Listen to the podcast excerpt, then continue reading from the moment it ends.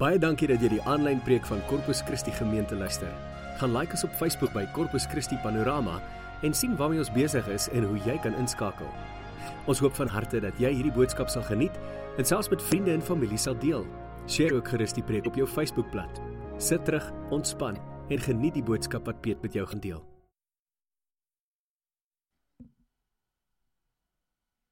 Hello. How's everybody doing? All right? No, you can do better than that. I promise you that. Um, how's everybody doing? It's going well, Pete, you know. Are you all right? Everybody doing well? Yeah? I'm fine. Okay, I'm fine. I'm fine. it's nice to see you all here. Hope you're enjoying it with us. And um, if you're here for the first time, hope to see you again. But let's kick off this evening as we've done already, and let's pray together. So you can close your eyes and Heavenly Father, thank you for being here. Thank you for not being far. Thank you that you are with us, that you never leave us, that you never turn your back on us. Thank you that we are your children. Thank you that you are our Father, and that you love us.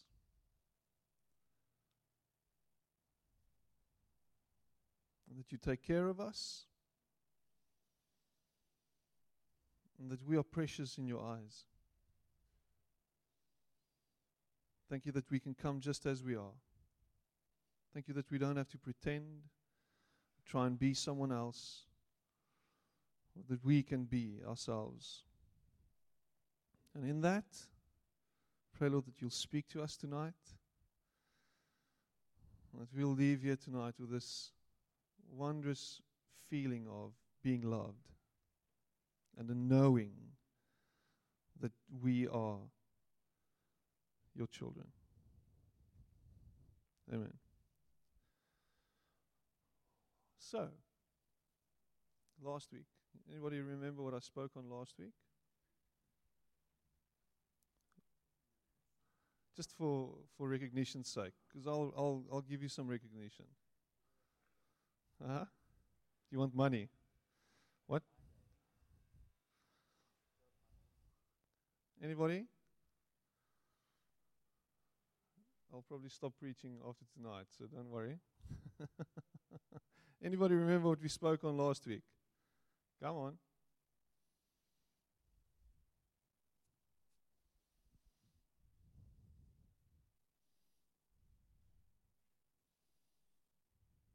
So all what you're doing is you're obviously uh, humiliating me now. That's fine. That's fine. Anybody?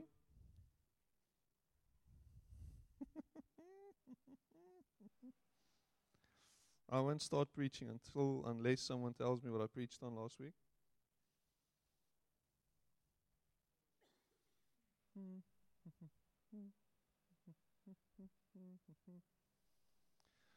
Bum, bum, bum.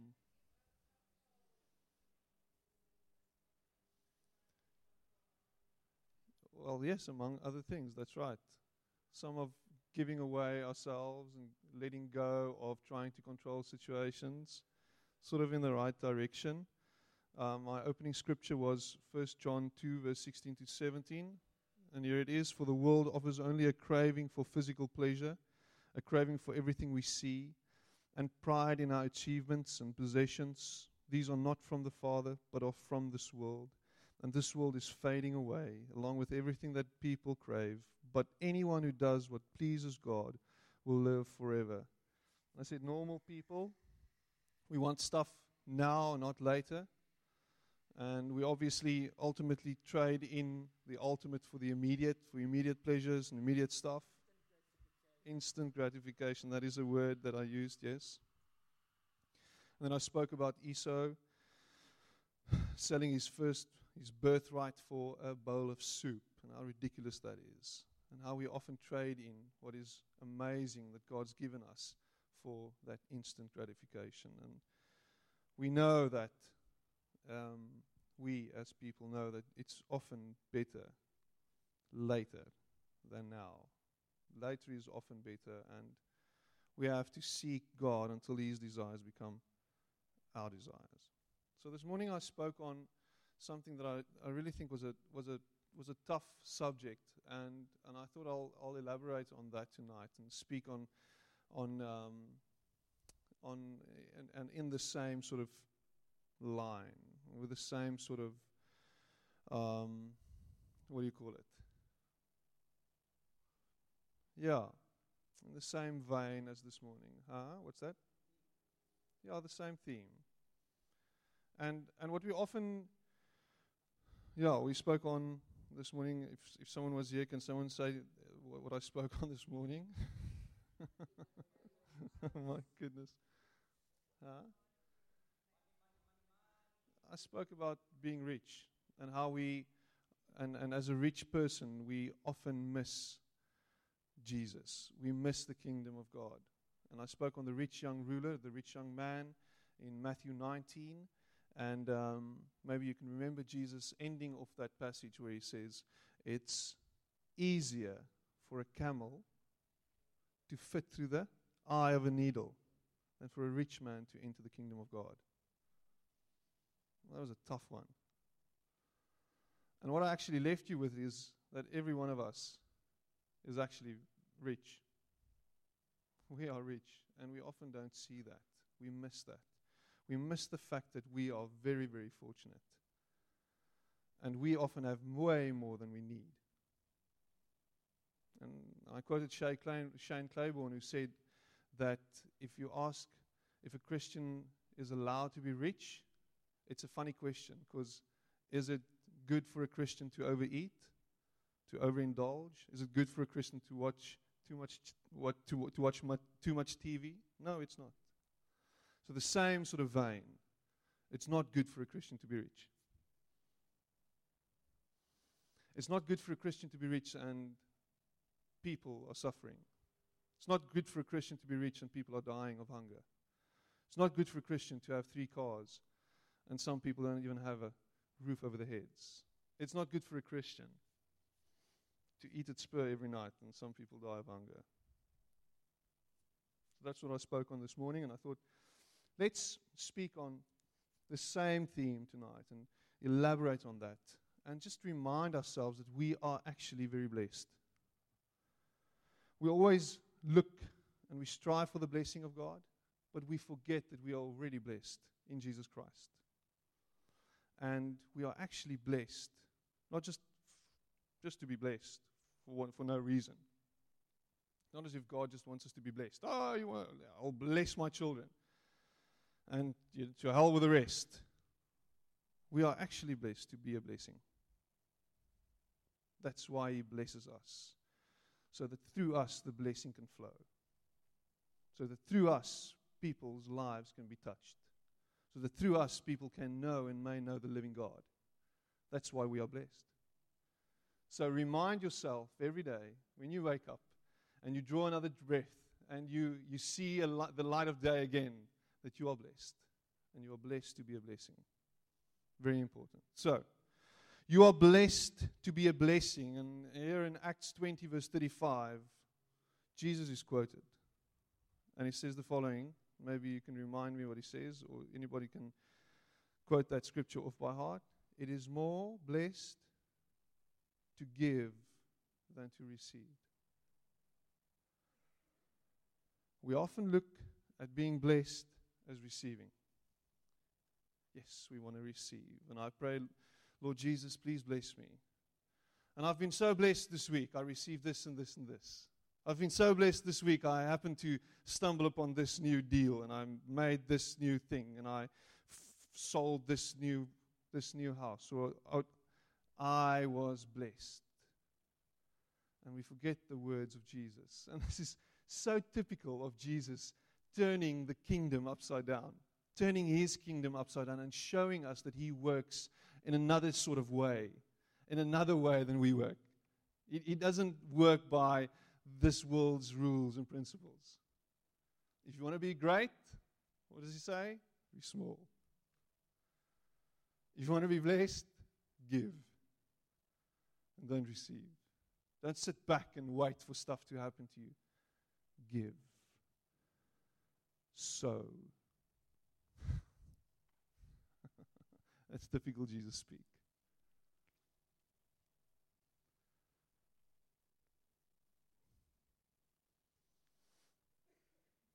Are you a blessing to other people? Is this your way of life? Are you living a life of giving to others? Are you known by your generosity? Are people drawn to God because of what you do, because of what you give? Or are people drawn, or are you trying to push people towards God by what you're saying? We speak too much, we do way too little. Because of the service by which you have proved yourself, men will praise God for your generosity in sharing with them and with everyone else. 2 Corinthians 9, verse 13 to 14. Because of the service by which you have proved yourself, men will praise God for your generosity in sharing with them and with everyone else. How is that?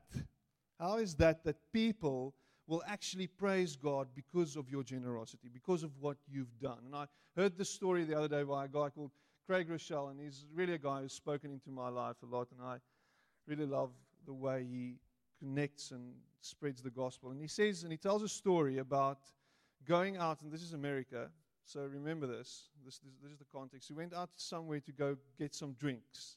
And apparently, he, he bought some lime lemonade or something from some shop for his family. And he bought, and he bought something for $3.28. And this is what he says. For long in his life, he struggled with being generous. He's not a generous type of guy. He said, I'm very selfish and I, I, I look at myself first. And, and, then, and from that sort of flows my life. But he said, God sort of spoke to him and said, This is the word he used round up. And he sort of, what does that mean?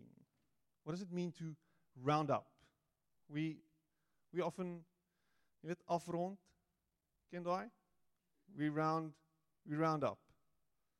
Jy weet, oor punt 5 gaan na 1 toe en onder punt 5 gaan na na die vorige getal toe. So he started rounding up.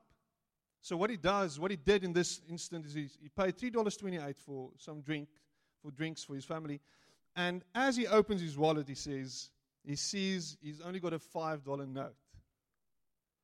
So in that moment, he hears the word, the, the term round up. So he takes the $5, he gives it to the, to the waitress, to the cashier, and she looks him in the eye, and he says, You know what? Keep the change. And he says what's, what, what was very interesting to him is he said, in that moment, she looked at him,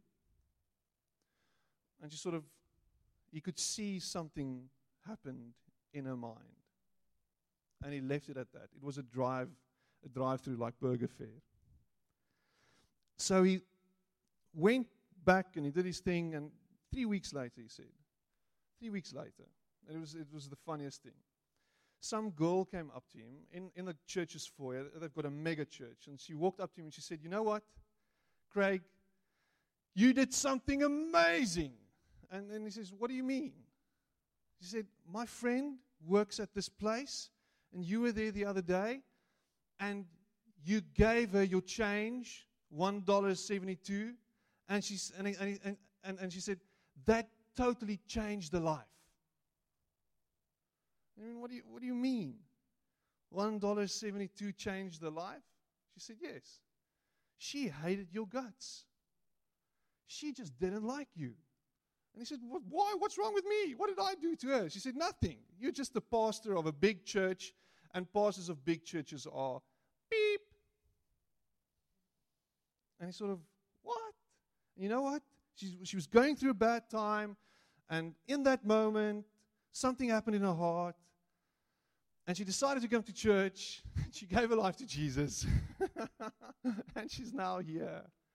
And it's the most amazing story. And it's a story of just being generous and giving away, and in that moment, being used by God for people to see Him for who He is. I want to live that kind of life a life of generosity where my generosity can do something to connect someone to the living God. Imagine we as Christians will be start can, can be known by our generosity. That was, that was what it was like in the first century. That was what Christians were known for being generous with their lives, being generous with their money, with their, with, their, with their supplies, with everything they had. They were generous. When other people fled cities because of disease and because of danger, Christians flocked to the cities to give their time to help the, the, the needy and the sick. That's what they did. They were generous, even if it could cost them their lives. But Christians today, we're not really known for our generosity. We're known for our Bible bashing. We're known for our self righteous behavior. We're known for all our wisdom, our spiritual knowledge, and what have you. We're known for judgment. That's what we're known for. We're known for, for unloving. That's what we're known for. and that's ridiculous. Imagine this world will start seeing us for who we really are supposed to be generous. Imagine Jesus wasn't as generous with his life as he was. Imagine Jesus didn't share himself the way he did. Imagine he chose to sort of sit on a throne somewhere in Jerusalem and say, You know what? Here I am. I am the Messiah. Bow before me, and you will be saved. Imagine that. Imagine that was Jesus. He was the prophet, and he was this guy sitting on a pedestal, and people would flock to him. Oh, if we could just touch his feet. Go away and let me be. I am now having a pina colada. Come back tomorrow. A non alcoholic pina colada, mind you. Imagine that was Jesus, but it wasn't. Jesus said, I came not to be served, but to serve, to give myself. That is Jesus. I want to be like Jesus.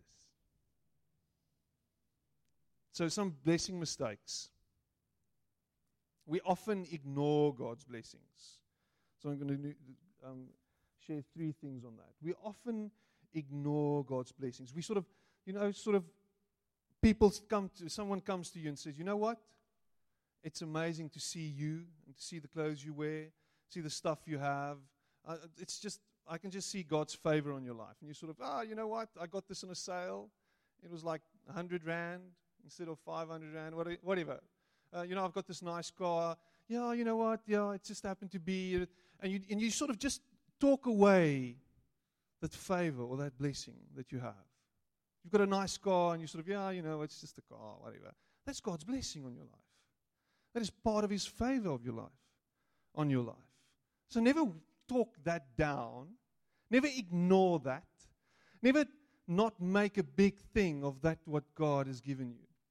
Acknowledge it. And every morning, get up, wake up, and say, you know what, Lord? I'm so grateful for this. And if people acknowledge the blessing of God in your life, you acknowledge that and you say, you know, thank you for that. Because I can see that. And I really appreciate you actually seeing that. That is awesome. Acknowledge the fact and never ignore the blessing that is on your life. If someone comes to you and say, you know what, I can see you're blessed. Thank you. I take that. I appreciate that. I'm blessed. Do that. Don't be weird about it. Don't be fake. Take it.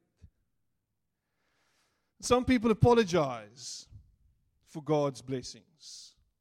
You know, uh, yeah, I'm not worthy, I'm not worthy, and you're not worthy. But don't apologize for that. People start looking funny at you because you're so affluent or whatever and everything's happening for you. Just be gracious about that. Be thankful and don't apologize for that. You worked hard for a lot of stuff in your life. Don't apologize. Be grateful. Keep on being grateful. Never apologize for the favor of God on your life. This is interesting, Piet. Really interesting. Big blessing mistakes. Some ignore God's blessings, some apologize for God's blessing, and some hoard God's blessings. Hoard? Sort of, I'm a hoarder, you know? Maybe you're a hoarder. we hoard stuff. Our garages sort of don't lie, they show us what we really have. And I mean, I don't know if you've seen all these storage companies that's, that have sprung up recently more storage, store age, mass storage, whatever. People have too much stuff, so we need storage bays for all the stuff we have, all the stuff we hoard, all the stuff we collect through the years. The stuff we don't use, our garages are full of that, full of crap. And you know what? Your crap can actually be something special to someone else. So why don't you start sharing and giving away? Why don't you start letting go of the stuff? It'll spare you a lot of money. Maybe you won't need that storage space anymore. You can let go of the stuff. Start letting go of your stuff. Don't hoard your blessings. Don't keep on. Just, just don't hold on to a lot of stuff in your life. I recently gave away a lot of the stuff that was hoarded here at the church. We just decided to phone someone up and say, you know what, can you use this? Yes, I can use this. We are running a ministry somewhere in the Cape, in, in Cape Flats. We need a sound desk. We need speakers. We need amps. Thank you for that. And here it was just collecting dust, but we had to let go of it so that God can start giving us what we need as well.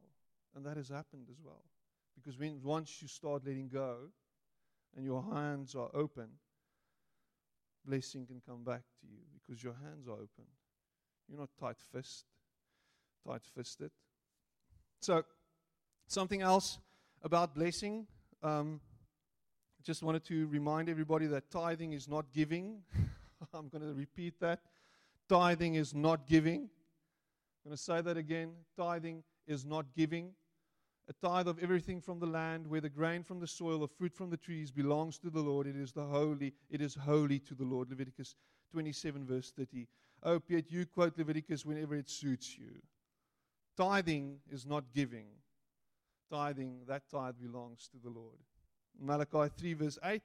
Will a man rob God? Yet you rob me. But you ask, How do we rob you? In tithes and offerings. You know how many people in church really do give tithes and offerings? Mm, probably 20, 25% of our members tithe. And yet, we have this. I don't know how it works. And yet, the staff are paid salaries. I don't know how that works. But from 25% of tithers in our church, with a congregation of about 800 members. Tithing is not giving, it's expected of you. So, we're blessed to be a blessing. And here are three things that I need you to remember and to walk to have you walk away with tonight. Very important. Blessed to be a blessing. In the first instance, we are blessed to give joyfully of ourselves, of our money, of whatever we have. Blessed to give joyfully. Remember this, this part, this passage this morning of Matthew 19, when Jesus spoke to the rich young ruler and he told him exactly what, he, what he needed to do to enter into his kingdom. Because the rich young ruler came to him, you know what? I'm doing all this. This is what I do. I do all these things. I follow your commands. That's, that's what I do. What else do I need to do? And Jesus tells him, okay, take everything you have and sell it and give everything you have and give it to the poor. and the word is, he walked away full of sorrow. He walked away with hunched shoulders because he was in love with his stuff. He was in love with his stuff. We are blessed to give joyfully. Whoever sows, 2 Corinthians 9, verse 6 to 7, whoever sows sparingly will also reap sparingly. And whoever sows generously will also reap generously. Each man should give what he has decided in his heart to give, not reluctantly or under compulsion, for God loves, and here's the word, a cheerful giver. Are you giving cheerfully? Is giving a part of who you are? And are you doing it from a joyful heart for what God has given you? Because whatever you have was given to you by God. He is the giver of good gifts. He gives to anybody and everybody whatever he thinks and whatever he pleases. And the question is are you holding on to that? And when push comes to shove and you need to give, are you doing it reluctantly and, uh, you know what, I really can't, uh, I, I didn't think, oh no, no. Okay, I'll do it. It's expected of me. It's the Christian thing to do, you know. There, have it. But God loves a cheerful giver. I love that. I think we need to I need to, I need more smiles when people start giving. I need more smiles when you start giving to people. When you start giving your time. Give it with a cheerful heart and see what happens. See what happens. Second, a second point I want to make is we are blessed to give extravagantly. This is this is really this is a crazy thing. We always try and give within our means. And we think that is good stewardship. We need to give within our means. You know, what, what is my means? What can I give? What can I afford to give? And accordingly, I will give. I shall give. You know, Pastor, this week I, or this month I couldn't really give, but I still gave a small percentage to people in need, and that's what I did. I was a good steward of what the Lord has given me. There's this beautiful story in Mark chapter 14, verse 3 to 5. And a woman came with an alabaster jar of a very, very expensive perfume made of pure nard. She broke the jar and poured the perfume on his head. And some of those present were saying indignantly to one another, Why this waste of perfume? It could have been sold for more than a year's wages and the money given to the poor. This woman was in actual fact a prostitute. And nard, pure nard, this was her means of making a living. She needed this. She needed this to put on herself so that clients will be attracted to her. For apparently, there weren't many shower, showers in the, in the ancient times. It was not as readily available as we have today. And women of the night needed to oil themselves with this nard. It's a crazy story of ridiculous giving and pouring out. And she was so taken up by Jesus that she decided to give a whole year's worth of wow. A, a whole wow. It's ridiculous. And she wastes it on him. She pours it out on him. She gave extravagantly. And I often wonder if we are giving extravagantly. Are you an extravagant giver? Piet, no, I'm not. Why not?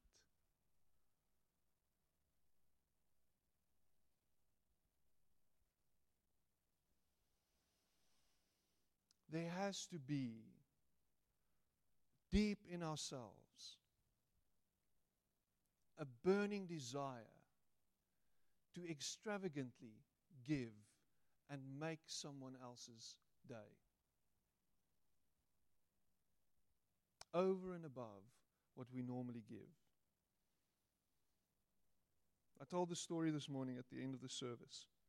Maybe you were here, maybe you were not. This message wasn't recorded this morning, by the way, so you can't go listen to it. But Shane Claiborne, worked in Calcutta in India, and there was this instance where he bought a little boy uh, an ice cream. Um, and it's not weird because they were they, they had this, these orphans every week. They had them over and they would throw a party for them. So he gave them, gave this one boy a, an ice cream. So this guy was so taken, this boy was so taken up by this ice cream that he just stared at this thing. And if you know India, it's hot there, and an ice cream would st- soon start melting. So what he did is, and you would think that in that moment he'll take this ice cream and just put it in his face and, and kill it, but he doesn't. He runs down the street, and all his friends gather around him, and he starts handing out little bites of this ice cream. They all line up, and everyone takes a bite of this ice cream. And he shares this extravagant thing that he was given with all his buddies because he couldn't keep it for himself. And that's a beautiful story of sharing what was given to me by grace. Are we graciously sharing what was given to us by grace? Is that our posture? Is that the way we live? Pouring out ourselves. There's this passage in Matthew where Jesus says, You know what? There was this time when I didn't have clothes and you clothed me. There was this time when I was hungry and you fed me. There was this time when I was in jail and you came to visit me. There was this time. And it was all, what do you mean? What do you mean? You were, we, we were with you all the way. Where was this? When was this? And he says, you know what? Every time you do it to one of these people, the least of these, the guys who doesn't have, guys who don't have, the guy who is in jail, he says, you are doing it to me. You are doing it to me. I want to live that way of doing it to Him, of giving to Him. When I help those who can't help themselves, when I give to those who really are in need. And the last point I want to make is we are blessed to give sacrificially, extravagantly, joyfully, sacrificially. The story of Jesus standing in front in the synagogue and looking at everyone, you know, giving an offering at the end of what they ever did, whatever they did. And this poor widow has put more into the treasury than all the others. They all gave out of their wealth, Mark 12, verse 43 to 44. But she, out of her poverty, put in everything all she had to live on. And I can see this picture, see this picture of someone taking a wallet, opening it up, having one or two coins in it, and just opening it up and throwing it in the basket. And Jesus remarked that she's given more than anyone else.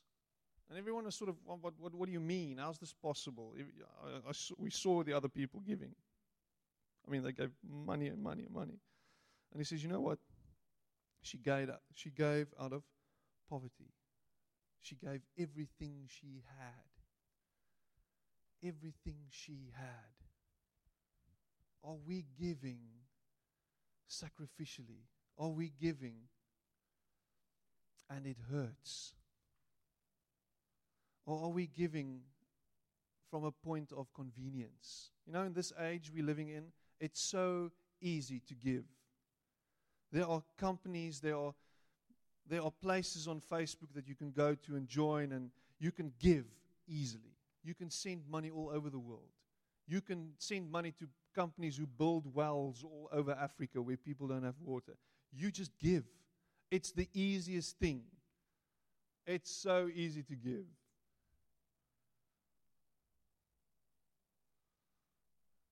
But did you really give? Did, you, did it really cost you something? Did you really feel it? Imagine Jesus speaking from heaven, everybody hearing him from heaven. Oh, all your sins are forgiven. Thank you very much. Have a good day.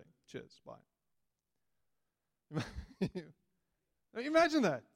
Imagine every living being hearing his voice in one moment. I mean, how easy would that have been? If he is God, he could have just spoken from heaven, Oh, this is the Lord God Almighty. You are forgiven. Good day. Cheers. Imagine that. And I'm making fun of this, but but but think about this. Think about him giving himself as a sacrifice, showing what it means to give. Of giving and giving and giving. Of really laying down himself so that those receiving can be saved and saved. And I wonder if we really understand the huge, huge sacrifice made in that moment. That is God. And at the same time, He's asking of us to give and to do it generously and sacrificially. No, I insist on paying you forward. I will not sacrifice to the Lord my God burnt offerings that cost me nothing. 2 Samuel 24, verse 24. I will not sacrifice burnt offerings that have cost me nothing. And I believe that if we are really truly giving, that it will cost us something. And as Christians, we are called to live to a higher standard because of what, of, what Jesus has done. And we are supposed to be following in his footsteps. We are supposed to walk behind him and to fo- follow his example of generous giving and living and sacrifice and laying down our lives. Not copping out around the corner, running away from opportunities to be a blessing to someone who needs a blessing. Imagine what, the, what this world will look like if we started blessing others because of us being blessed.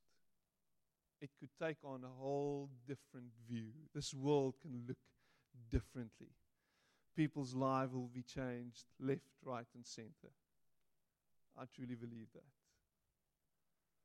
Let God's Spirit lead you May you put yourself in situations and may you be open to the prompting of the Spirit so that you can give of yourself.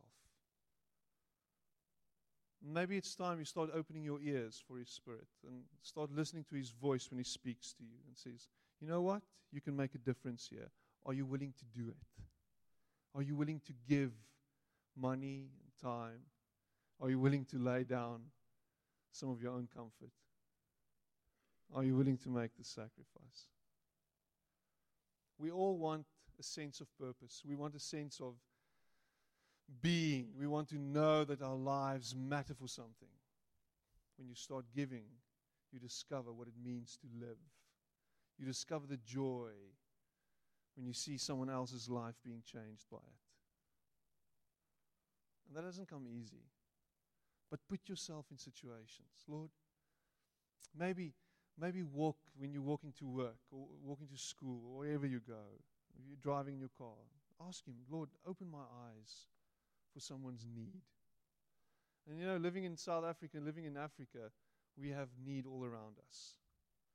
So now it's a time, now it's necessary for you to discern and let Him speak to you. When do you help and when, do, when won't you help? That's something very, very important as well. Heavenly Father, you know, to the best of my ability, I've tried to just remind myself of the fact that we are called to give. We are called to lay down our lives for others and to be a blessing to others because you have blessed us. Lord, we often struggle with this. There's so much need in this world. So, where do we begin? And maybe it's necessary for us to understand that in one person's life we can make a change and we can make a difference. And let's start small. And let's start giving where we can. Thank you, Lord, that we can give because you make it possible for us. Thank you that you are our source and that you will never, as a source, dry up, Lord. That you'll never run out of blessings. That you'll never run out of giving us what we need. So we don't have to be afraid. We can stand in awe of the fact that you are our provider and you will always be the God of enough. You will give us enough. You will give us what we need. Help us not to hoard that, Lord, but help us to be a channel through which you flow every day. Let us be a, a, a conduit of your love to this world. My prayer is, Lord, that you'll always be there for us to, to reach out to in times of need. When we identify need, that you'll break our hearts for that need so that we, by hook or by crook, will help and will engage and will bless because you've blessed us. Make us aware of the need around us, Lord, and show us how we can help. Lord, help us to be cheerful givers, joyful. Help us to extravagantly give. Help us to really sacrifice and lay down ourselves when we give. May we be instruments in your hands. Thank you, Lord, for Corpus Christi, that we can be your body. And through your body, that we can bring the change, that we can bring healing, that we can bring life and hope because you've blessed us. Now we have to be a blessing. Amen.